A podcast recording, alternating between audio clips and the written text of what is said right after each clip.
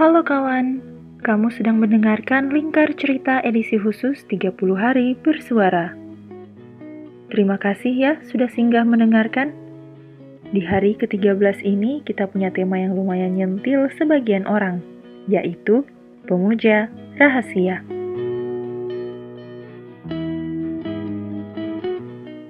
Awal mula si pemuja rahasia. Hai A, sekarang kamu udah nggak main media sosial lagi ya? Bisa kusimpulkan kamu sudah bahagia dengan lingkungan kehidupan kamu yang sekarang. Makanya nggak butuh main-main medsos lagi.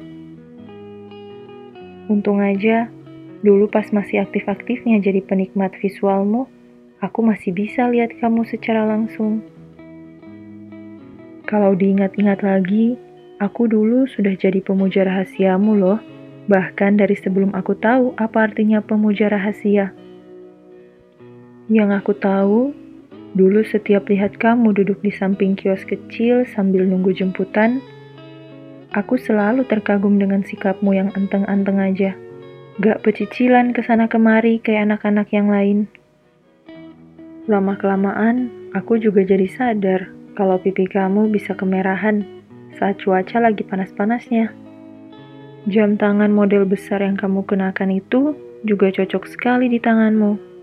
Yang mana kayaknya anak seusia kita dulu nggak begitu cocok deh dengan model yang seperti itu.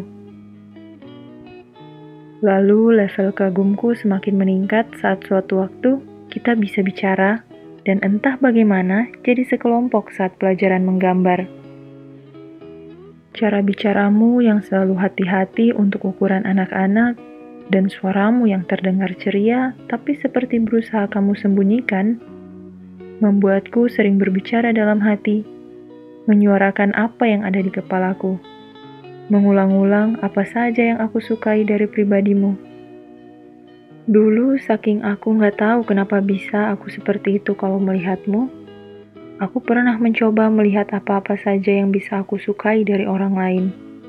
Tapi tetap saja, tidak bisa sama denganmu.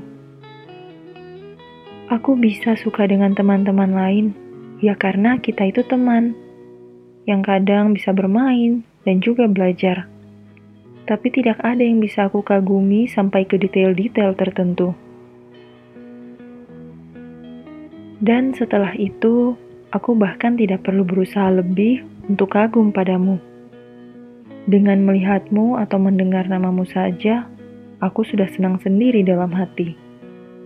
Oh iya, sampai-sampai dulu aku pernah kepikiran cukup lama. Apa teman-teman lain ada juga yang merasakan seperti ini? Bahkan, dulu aku belum mengenal kata cinta loh. Bagaimanapun, terima kasih ya Ah. Walau kamu gak sadar, kamu dulu sudah ngajarin seorang anak kecil betapa mudahnya mengagumi seseorang, bahkan secara diam-diam. Dan maaf juga kalau ini hanya berakhir sebagai cerita seorang pemuja rahasia. Karena aku nggak pernah berani untuk bilang secara langsung tentang kekagumanku padamu. Tidak setelah aku lihat ada orang lain yang juga sering melihatmu secara terang-terangan. Tidak setelah aku tahu bahwa ada yang secara langsung mengiyakan saat kamu tanya apakah dia suka kamu. Kasihan sekali ya, kenapa seorang anak kecil harus berada di situasi senjelimet itu.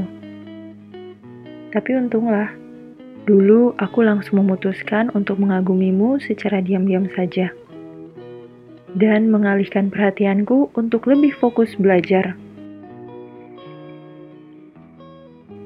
Selamat menjalani kehidupan yang penuh warna-warni di sana ya, A. Sesekali aku masih menyelipkan namamu dalam doa. Berharap kamu selalu dilimpahi sehat dan bahagia.